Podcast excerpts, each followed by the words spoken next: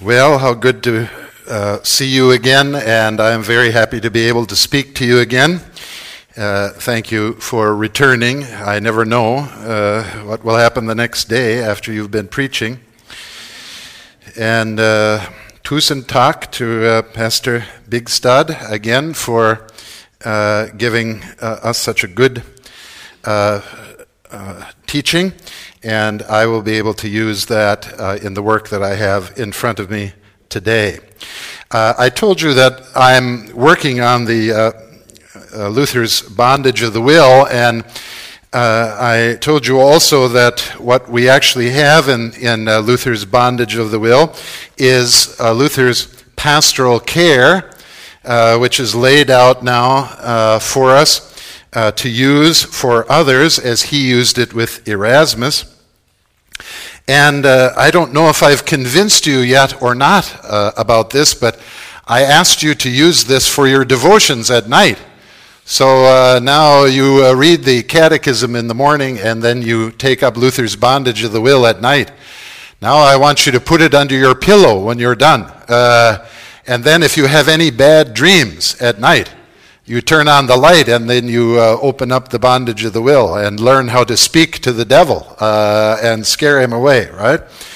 So uh, here, uh, I want to uh, take up another central part of uh, Luther's pastoral care for Erasmus.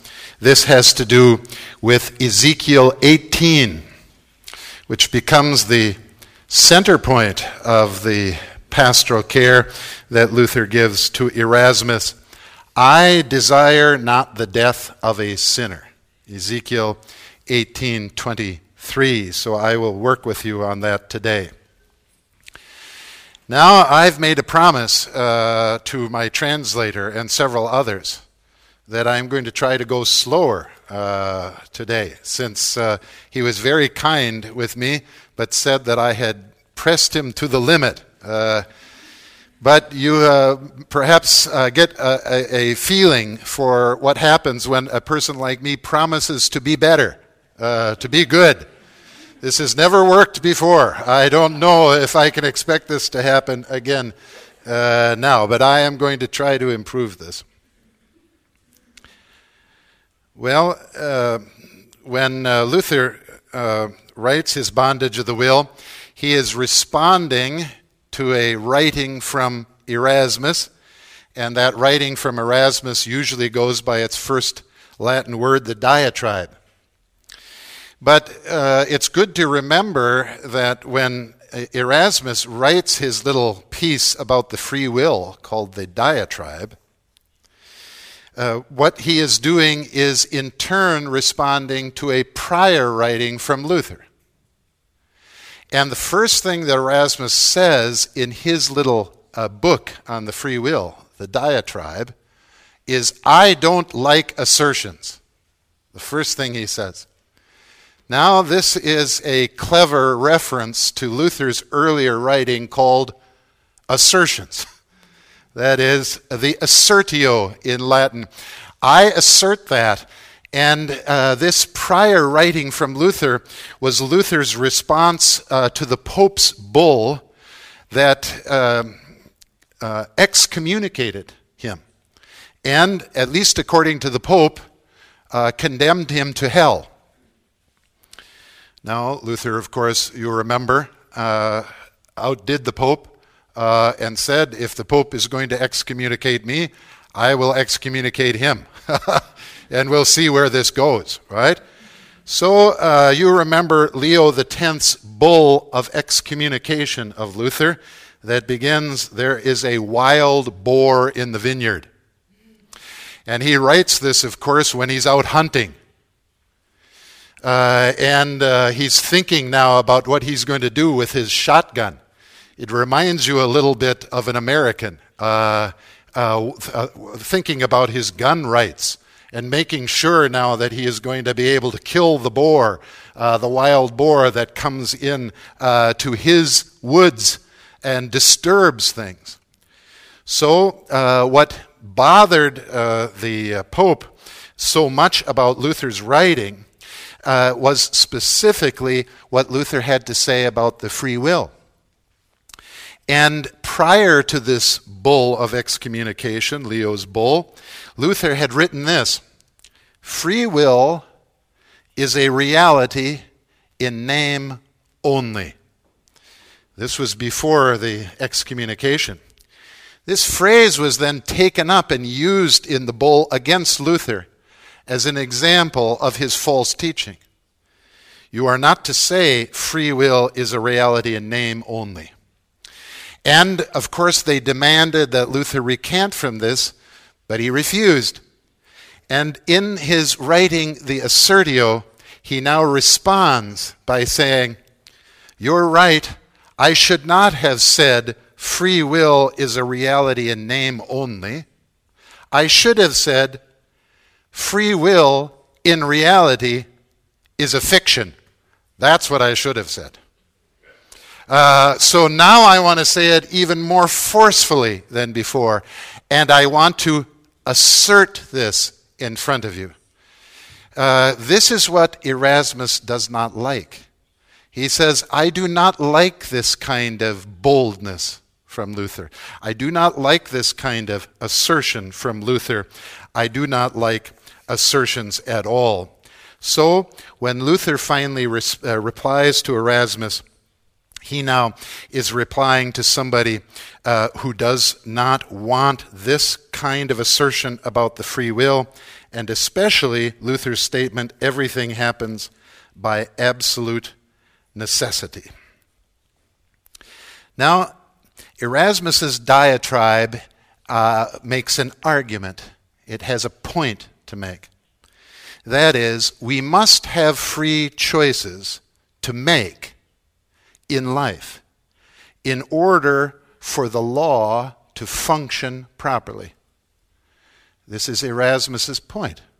We must have free choice uh, in life in order to make the law function properly. Luther's reply to this uh, in, uh, in uh, the bondage of the will is that the legal system does not prove free will, it, appro- it proves the exact opposite that we do not have free will.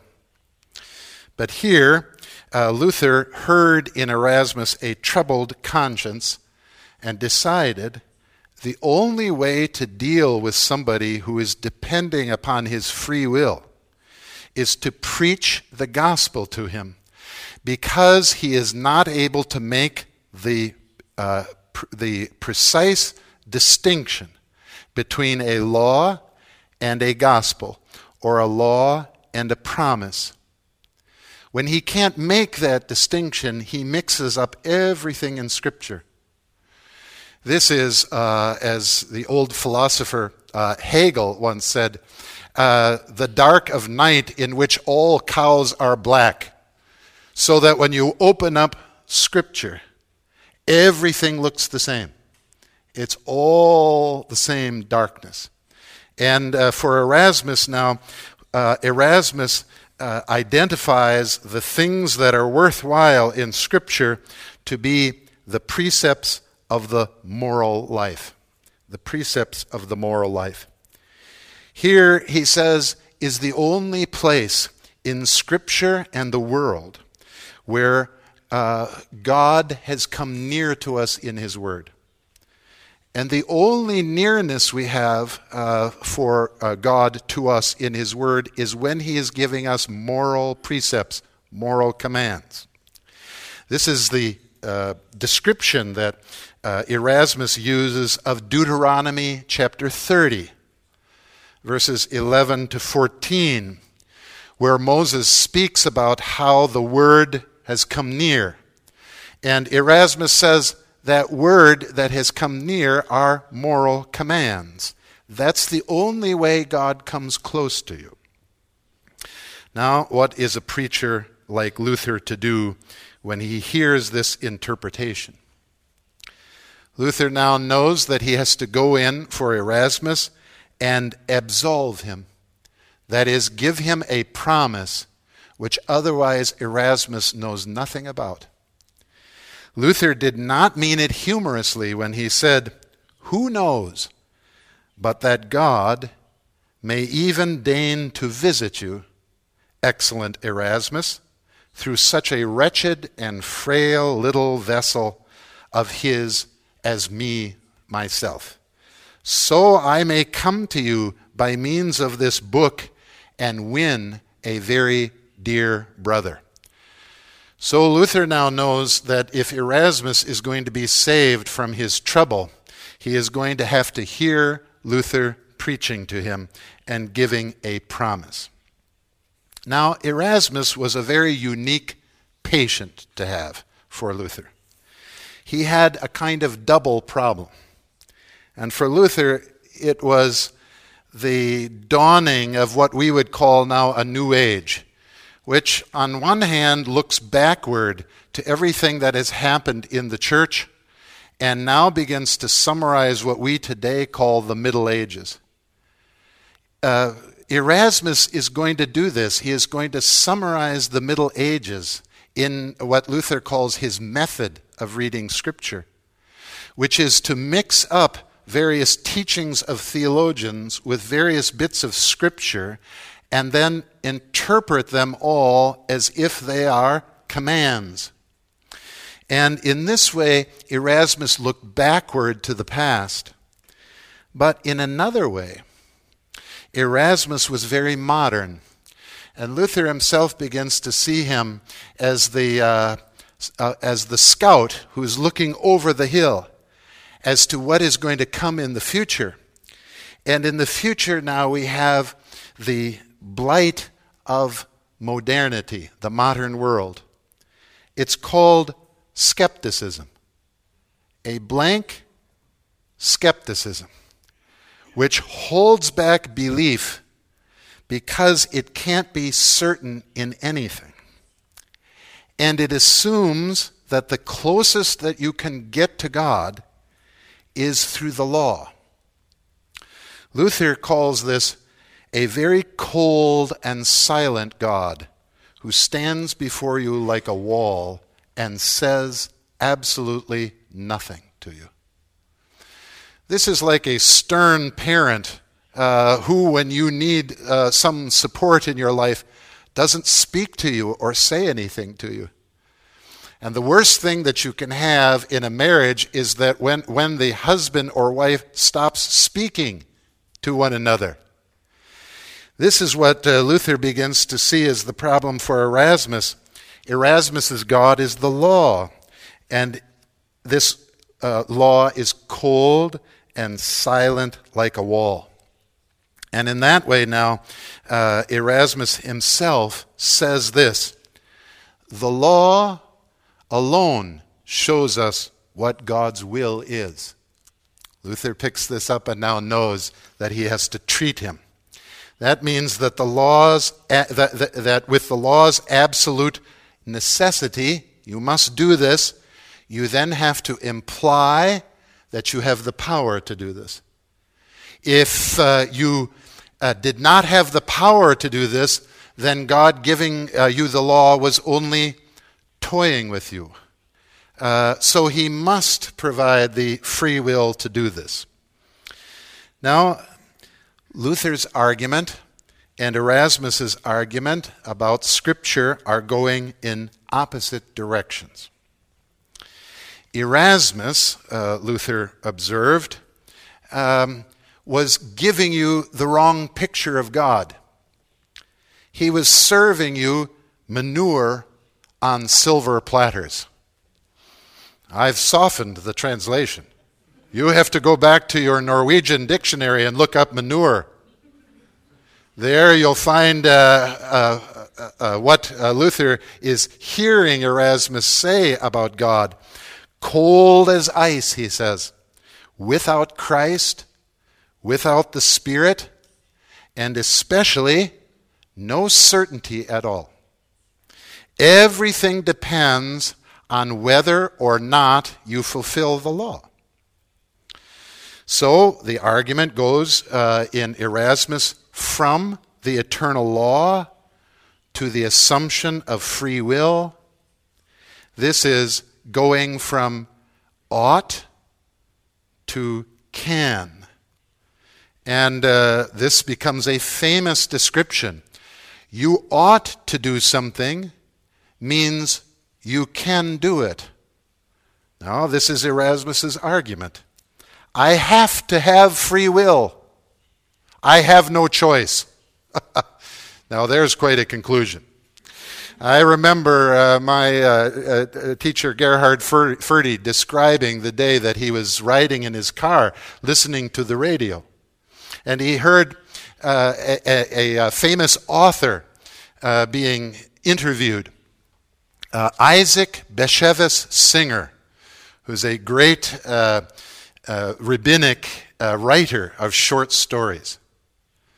And uh, the interviewer asked uh, Singer, Do you believe in free will?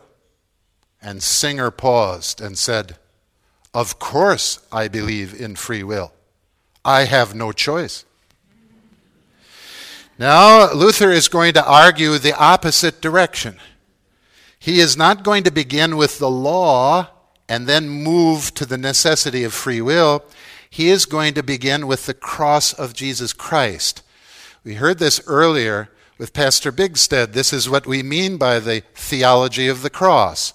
You begin with the cross, and then you identify where the law comes to an end.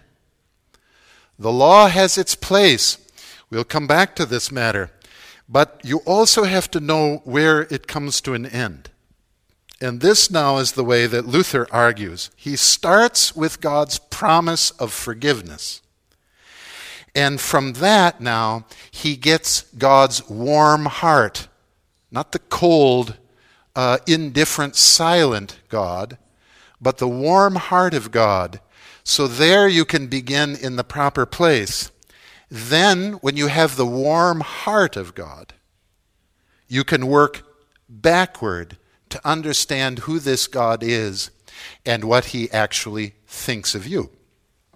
There you can work backward like Balaam did to Balak. This is Numbers 23, verse 19. Balaam says to Balak, God is not a man that he should lie. And this now uh, is where Luther uh, begins all of his theology. You begin now with the promise of God, his warm heart, and then you come to the conclusion this God cannot lie. This is very strange for us as human beings because we don't experience this in any other place. If you listen to uh, Pastor Bigstead's first talk, uh, the words that I remember most clearly and that I thought summarized what he was teaching us was this from the psalmist All men lie. Now we're actually learning that while all men lie, God does not lie. And if you don't think that all men lie, then I'm going to invite you to my country. And I'm going to ask you to vote in the next presidential election. Good luck. Good luck. Now, all men lie, but now we have to come back uh, to God and ask this same question. In all of my experience, I have to be cynical because when someone makes a promise to me, I am not so sure this is going to be kept. And of course, our experience in the world now means when we turn around to God, we suspect the same sort of thing. This is why Erasmus uh, is a skeptic, as he says. And his blank skepticism is precisely on this matter. He's never quite sure that when God gives you a word, God is going to keep that word because the only word he is hearing is the word of command. He is not hearing the promise. So Luther now centers uh, the, uh, his theology on this phrase God does not lie. Here, all the awful attributes of God immutable, unchangeable, necessitating foreknowledge, all of these that sound terrible to our ears, apart from a promise, now become very warm and helpful to us. For this is the one supreme consolation of Christians, Luther writes, in all of their adversities, their sufferings, to know that God does not lie. Suffering is not going to be removed from you. In fact, suffering will increase for you as a Christian. When you are given a promise, suffering does not become less, it becomes greater. We usually hide this from people because we're afraid if we tell them, they won't come to church. I tell uh, uh, my students in the United States, we have a, uh, a fad, a, uh, a, um, a new thing that we are, are doing. All of our churches have to have a mission statement. I don't know if uh, such a thing has happened here. All of our churches have to have a mission statement. So the church has to sit down and it has to say in one sentence what it is that it, it, its mission is. And each church has to do this in a slightly different way so that the product you sell can now uh, be slightly different than the other church. And each person can select which mission statement they like best. I always suggest to my students that when you go to your first call, why don't you try this as your mission statement? Come and suffer with me. well, you see why I'm not very good at growing the church. Uh, uh, but here you understand uh, that in the midst of our adversities, we have one consolation. Our heart is consoled, that is to know that God does not lie, but does all things immutably, and that his will can neither be resisted, nor changed, nor hindered. This is where you need to know that God works all things by divine necessity. And there it actually becomes a warm and helpful thing, not a problematic thing. Now, imagine if you are uh, uh, a uh, old American Norwegian like myself, who has been away from the mother country for many years and is finally invited to come back but then is told that when he comes and visits, he is going to, in the midst of the summer, have a Christmas meal so that he will know what it means to be a Norwegian. And he is going to have pinnekjøtt. Have I said this correct? Well, I uh, heard this and I became nervous. Now, what does this mean that I am going to have dried lamb's rib? That is steamed uh, uh, and uh, smoked. And I'm now going to have this in order to become a Norwegian. You get a little worried about this sort of thing. Then I'm coming over in the plane and wondering, how is this going to go? I am nervous about this. Uh, and if all things happen by absolute necessity, well, I guess I'm just going to have to sit and take this. But then you sit down at the table and eat it. Now you uh, take this in, and then you say to yourself, Where has this been all my life? who has hidden this from me? Uh, who has kept this from me? And why don't I have this every day of my life? Since are we not Lutherans and do we not understand that our Christ has come down from heaven on high to earth below in the little manger and he has never left? Therefore, we should have Christmas every day.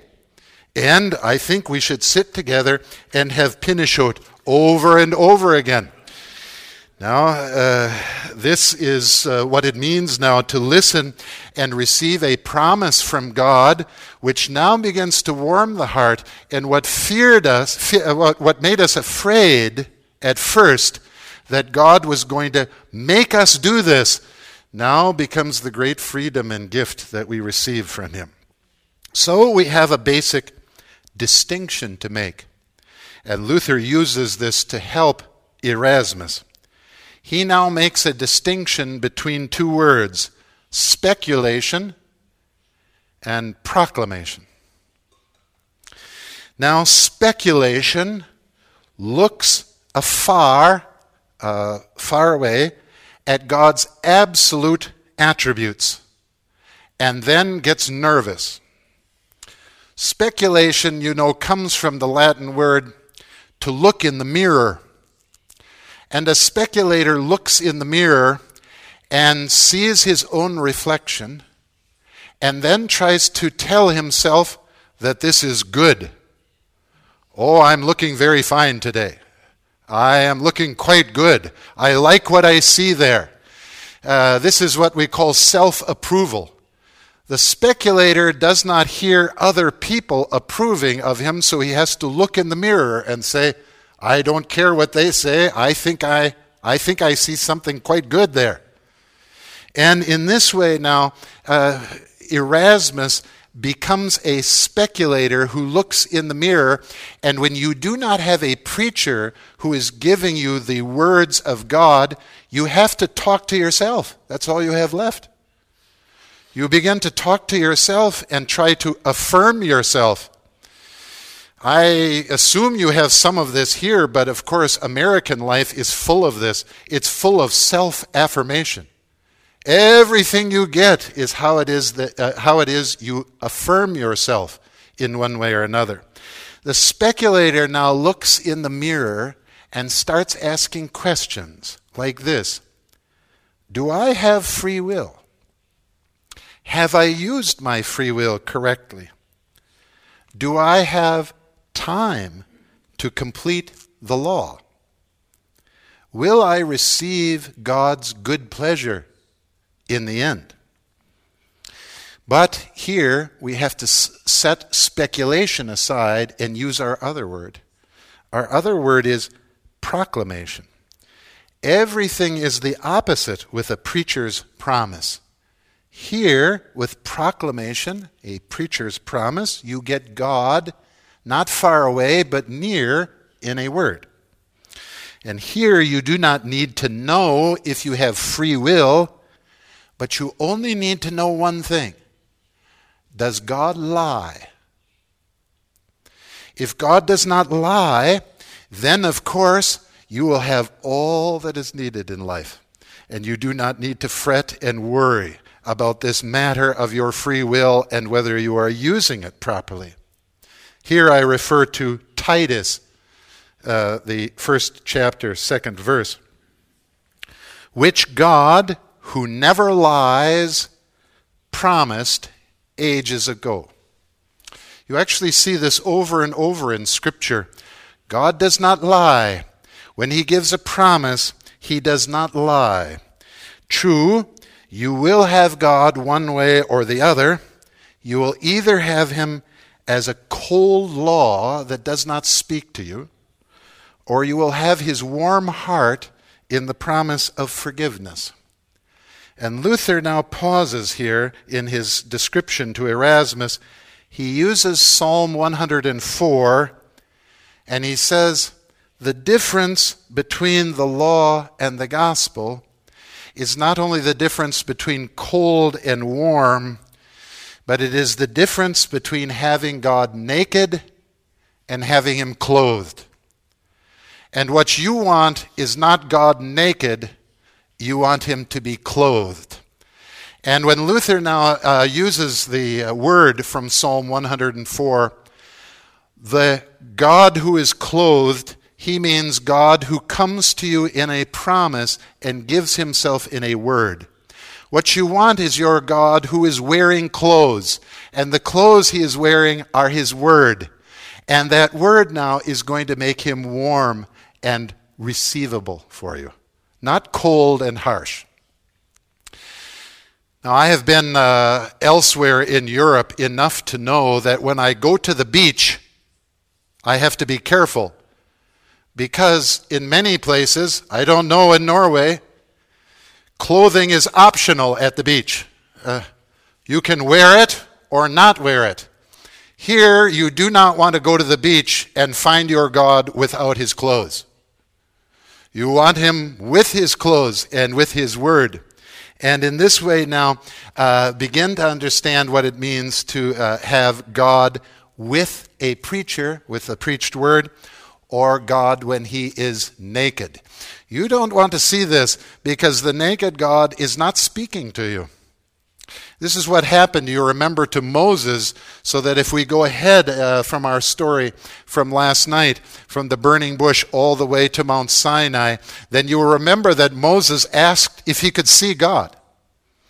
And he demanded this in such a way now that God said, Well, this is going to be a problem because if you see, uh, uh, see me naked, uh, this will be too much for your eyes.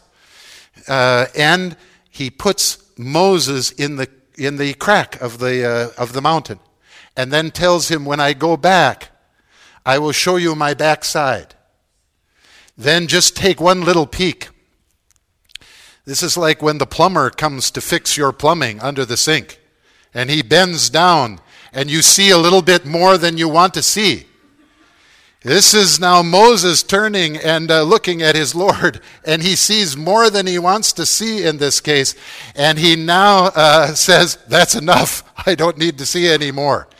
What we want is not the naked God who does not speak to you. We want the clothed God who's coming to you in this particular promise.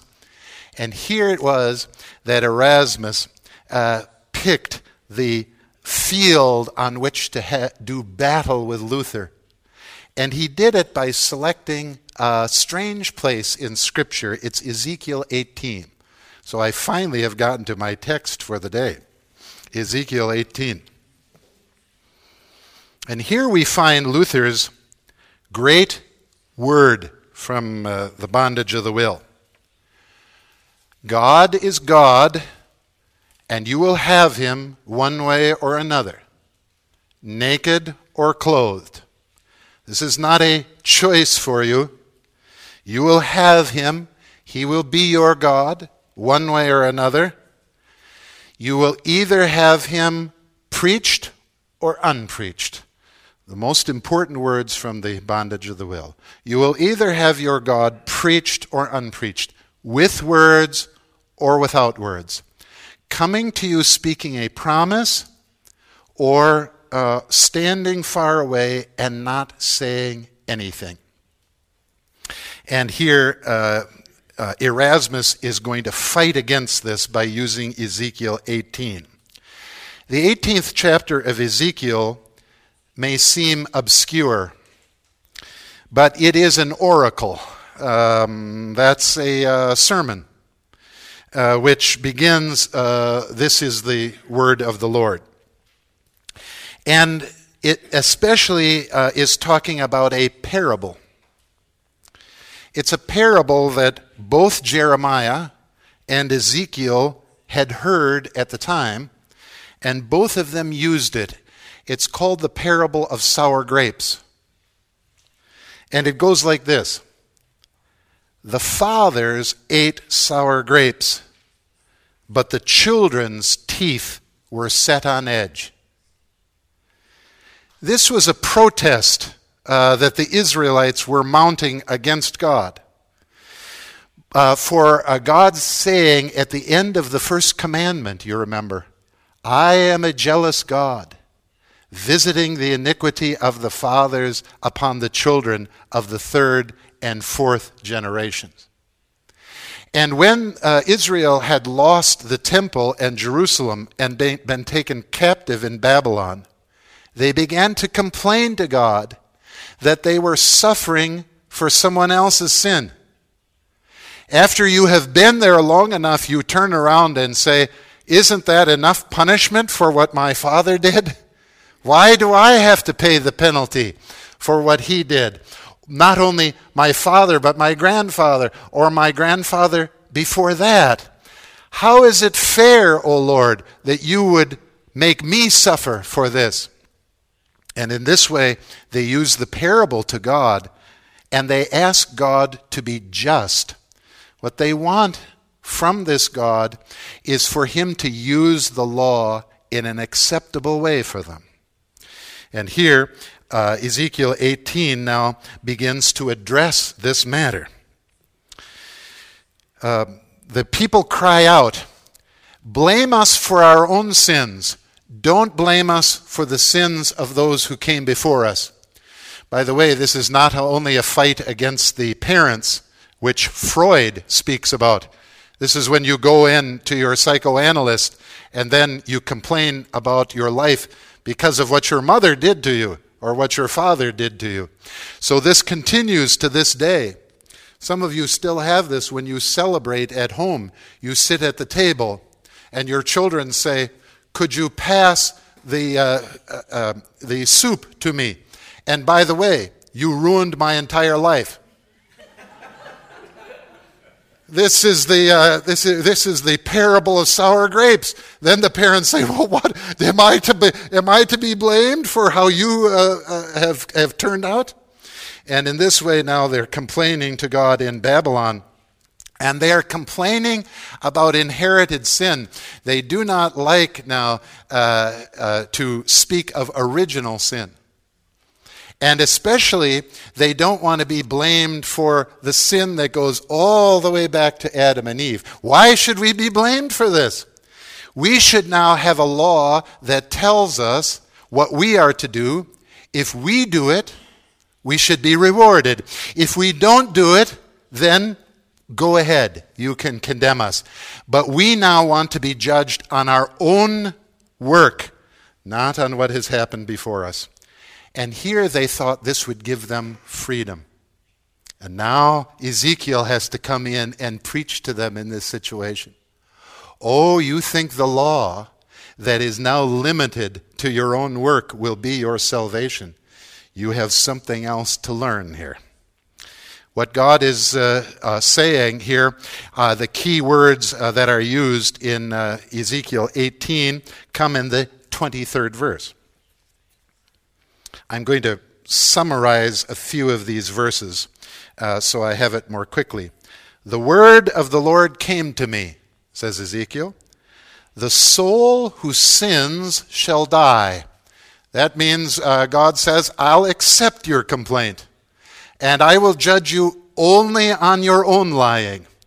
If you lie, not just your parent, then I will judge you on this basis. But if a wicked person turns away from all his sins, doing what is righteous, he shall live. You know, the scripture is full of negotiations with God regarding the law. You remember that uh, when Abraham sits outside of Sodom, he bargains with God to get God down from 50 to 40 people that could be found righteous in Sodom and gets them all the way down to 10, which is a pretty good bargain. But it didn't work in the end. Same thing with Ezekiel 18. They said, We want to be accountable only for our own sins. God says, Okay, this is the way we'll do it then with the law. But here, at this point, we have now the key word that is used in Ezekiel 18. It says, I, the 23rd verse, I desire not the death of a sinner. Here is what we call a, a shibboleth in Scripture. That's a good Hebrew word. It comes from the story uh, of David, uh, who is trying to select uh, the proper people. Uh, and uh, God uh, says, I want you to look uh, at the people who are drinking water. Those who will cup it in their hand and drink will be of one sort, and those who stoop down and drink it directly out of the water will be another.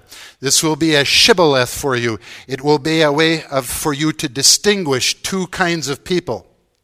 So we say here is a shibboleth that will tell you whether you are a speculator looking in the mirror and talking to yourself, or whether you will be a preacher who breaks out of the law and learns how to give a promise for which God does not lie. Erasmus thought that he had reduced Luther's argument of justification uh, without the law to an absurd point. And he put this back in Luther's face. He said, when you speak of mercy, uh, uh, you are asking us only to suffer the action of grace. This is called a, a reduction to absurdity. And now he's turning to Luther and say, when you speak of the grace of God, you are saying this is something that I have to take, whether I like it or not. You have to have your pinnekjøtt, whether you want it or not. You have to take this. Uh, and here, uh, Erasmus says, Luther, I think your God is a big bully who is forcing you to do something that you don't want. It would be better to be a dog than to be someone like Luther, who is now receiving this from God and he can't choose one way or the other. Grace without the law, for Erasmus, is a horror. Because now it uh, makes out God uh, to be the one who does everything. And the one who does everything is the one who is imposing his will upon yours. And Erasmus says, This is the problem with life. Everybody tries to impose his will on me. I go down to the street, and uh, the storekeeper tries to impose his will upon me.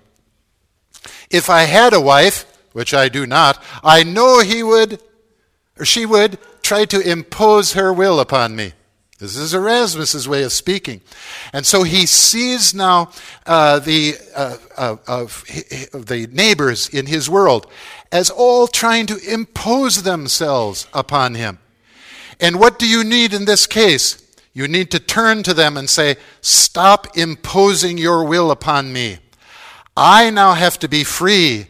In order to be free, I must now impose my will upon others rather than have them impose upon me. This is the modern problem. The modern problem now is to try to say, how do I live with people who are trying to impose their will upon me?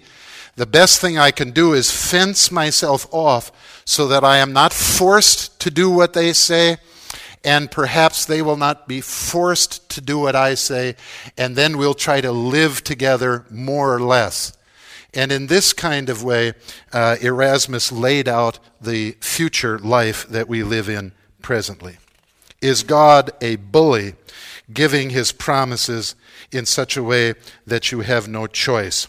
He used Ezekiel 18, I do not will the death of the sinner, to argue his point. And he did this uh, in the old scholastic way of teaching. He put it in the form of a syllogism a logical argument. Most of you will know this as simply being a scientist who is arguing according to the scientific method. There are a few differences, but not, not uh, centrally. So Erasmus's argument goes like this If Ezekiel now comes and says of God, I do not desire the death of the sinner, the first point is this God does not will our death. Second point, called the minor. Uh, so if we happen to die, the second point, then it's not God's fault. Here's the conclusion. So, what God is saying is if you die, it's not my fault, it's your fault. God does not desire the death of a sinner. If we happen to die, then God is not the cause of it, you are the cause of it. This is what Erasmus now is arguing. And he says, when you argue this way, you will now be free of Luther's terrible grace being imposed upon you. And in this way now, you can become a true mensch, a real human being, who will stand now before God and be accountable for what she or he is doing. And this is the uh, conclusion of the syllogism. Well, what a terrible argument we come to. Here is the problem with the argument. I had a student one day who came into my class carrying a satirical uh, newspaper, uh, a newspaper uh, that is comedy. And the headline of the newspaper was uh, Death Rate in the World Remains at 100%. Well, this is quite uh, news, isn't it? And uh, here we have the problem with Erasmus. If we die, whose fault is it? Well, my own. But if we die is not an if, this is going to happen. And now the question is uh, what do we do about it? The syllogism rests on a prior assumption that God's will is the eternal law, and everything depends on whether or not we fulfill it. But Luther saw this differently. Luther recognized that Erasmus was untouched by the law. That's the phrase he uses. Erasmus was untouched by the law. There are many people who are untouched by the law and they think of themselves as occupying a neutral territory in the world in which God has not already made a decision about them and uh, in which their, uh, um, the conclusion of their life is not yet sure. This is a kind of person who thinks, um, so far I notice something in life Every person that I have ever come into contact eventually dies. But maybe I won't die. Maybe I will be the one who escapes this particular matter of death. Everyone else has done so, but perhaps I will not.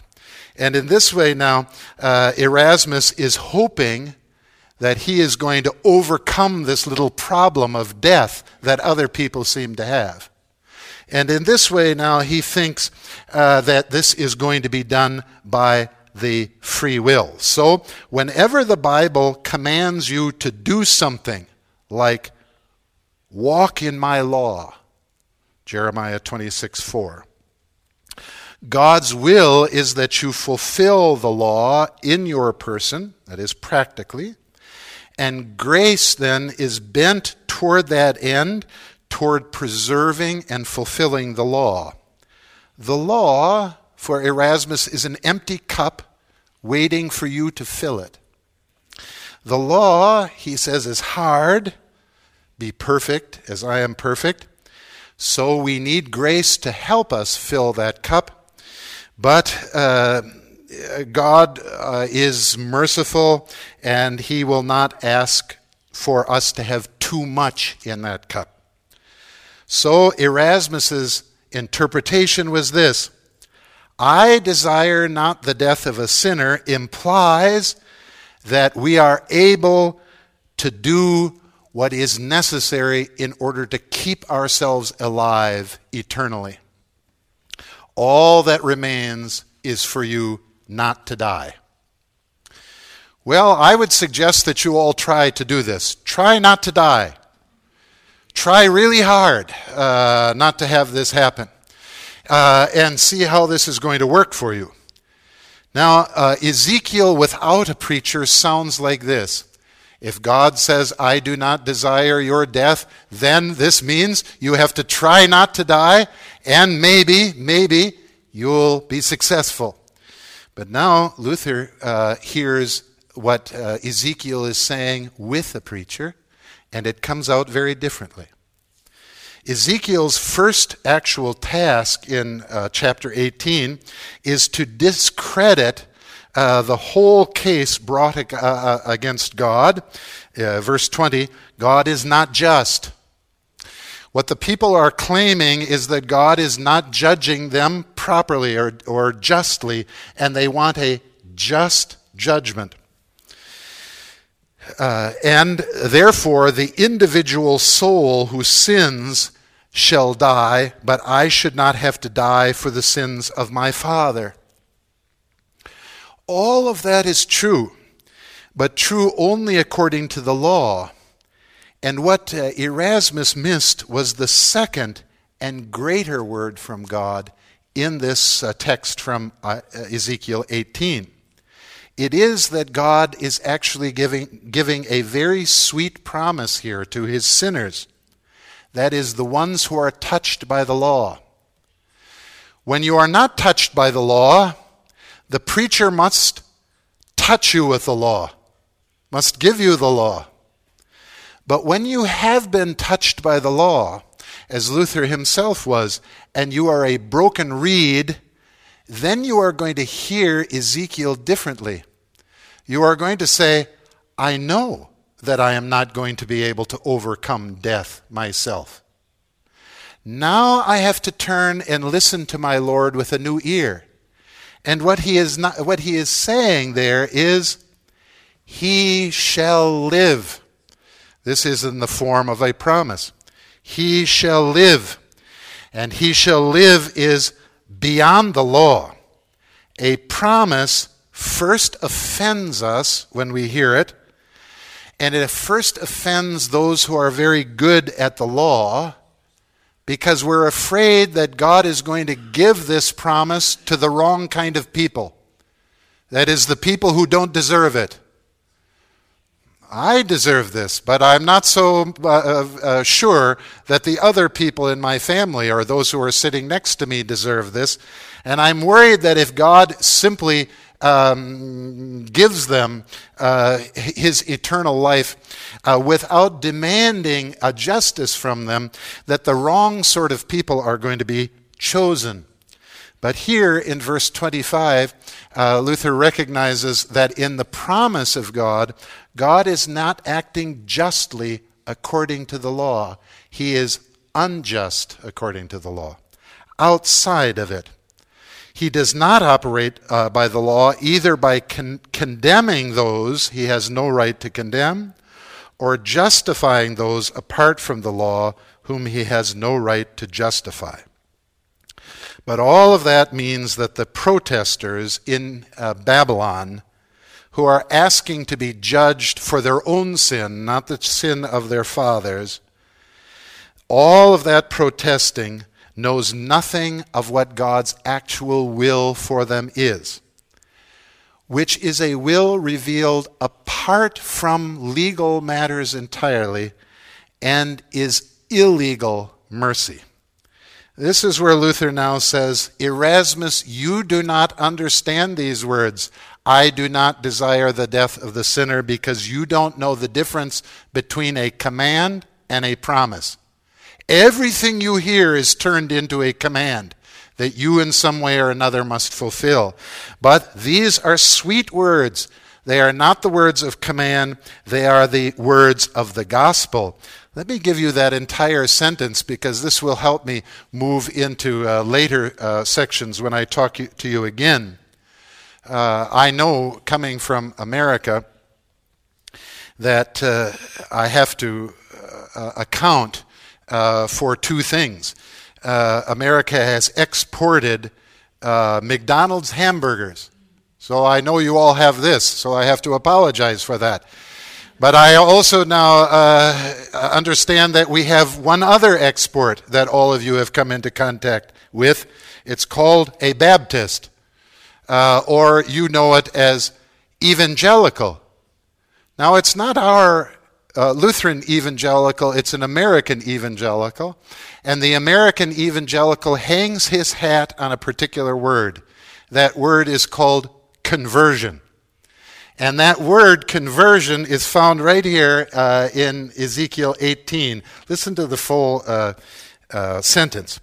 I desire not the death of a sinner, but rather that he should turn. There's the word convert. We have this in the Latin. It is uh, um, convertatur, to turn around, uh, to convert and live. So the whole sentence says, I desire not the death of a sinner, but rather that he should turn and live. Erasmus thought that turn was a command which he now had to perform, in which case now he had to turn himself around uh, from facing away from God and now face toward God. This is American evangelicalism. Then it comes and it tells you how to be converted. And I will help you to convert yourself in this way. All of this comes uh, from the description that Erasmus gives, and it understands then should turn as a law, and the law implies that you have a free will, and the free will can do this or not do it. Then what is the preacher's job? It is to convince your free will to make the proper choice. That's the nature of conversion there. But this is what we call a very small and tiny conversion. It's what we call a conversion from A to B. This is a very small conversion. It's a conversion from being uh, more bad to being less bad. And it all stays under the law and doesn't come near to the conversion that our God actually wants from us. What our God wants is a great big conversion, not just from A to B, from, but from A to Z so big that this is something that you cannot accomplish by some power you think you have, like the power of the free will. There, the conversion has to be much greater. It is not from being a bad person to becoming a good person. Here's the conversion our God wants He wants you to be converted from being dead to being alive. Now, that's a big conversion.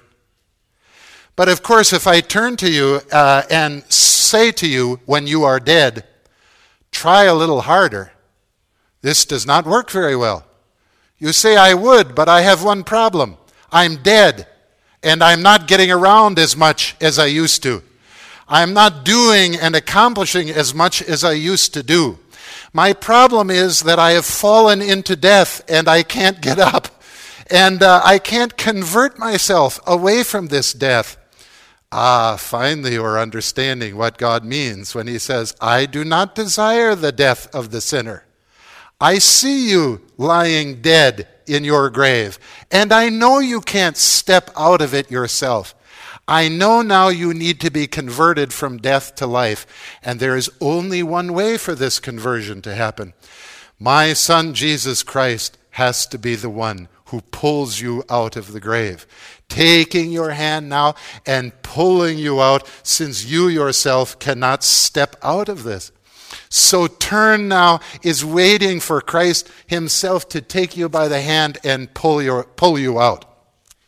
This is why when we uh, give uh, a, uh, a, a, sermon uh, at the gravesite, we often turn to the words that Paul gave us, which are words now of election they are words of God's almighty power. They are God, uh, words of God's all working power. They say nothing uh, to us about what it is that we do and accomplish. And it is when we turn and say, Nothing will separate you from the love of God in Jesus Christ. Not height, not depth, not power, not principality.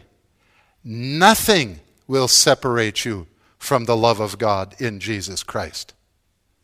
Now, this is a very strange thing to give such a promise to a person who lies dead uh, in the tomb. But this is the conversion now that our Lord wants. And this is the one that He works for us. So that when he says, I do not desire the death of the sinner, he's not trying to say, now improve yourself. He's now saying, I know what you need. You are already dead in your sin. And I know that the only way you will be converted from this death is if my son, who takes your sin upon him and puts it to death, now raises you from the tomb. And in this way, makes you live an eternal life. And what if you say to your Lord when He's pulling you out of your tomb, My dear Jesus, I am so glad you have come, but I would like to do this myself? No, this is not the way you speak to Him. Uh, this is uh, like the little child who's learning to ride a bike. The little child learning to ride the bike wants her father there, nearby, but not holding on to her. No, I want to do it myself, she says. You have to stop thinking this way.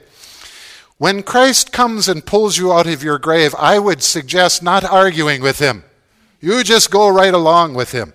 And then you now expect uh, exactly what is going to come next. He is going to start feeding you uh, goat rib that has been dried uh, and steamed and tell you this won't hurt you. This is going to be very good and fine. You come now and live this wonderful and beautiful life which I have opened for you. Ezekiel 18 now Luther says is a uh, an indication of everything in scripture. Erasmus takes whatever word he finds and turns it into a command for himself and he looks in the mirror and he tries to tell himself that he's doing this. Instead, what we listen to is the proclamation, which says that when the preacher comes, he is giving you a promise which you cannot produce yourself, but it is the promise of Jesus Christ who raises us from the dead. This is the great co- uh, conversion from being dead to being alive. You cannot accomplish this, but our Lord Jesus Christ does accomplish it. So I give thanks for that, and now uh, we should be ready to uh, dine and eat, don't you think? So uh, I, I, want to give uh, thanks for all of you and uh, for the food we're about to eat. Heavenly Father, we give you thanks now that you have bestowed upon us your word so that we can have you clothed and not naked, so that we can hear your word to us and we can hear it in a promise. So now you give us not only life in this world and good food to eat, but you have now given us eternal life so that we do not need to fear death. In your name we pray. Amen.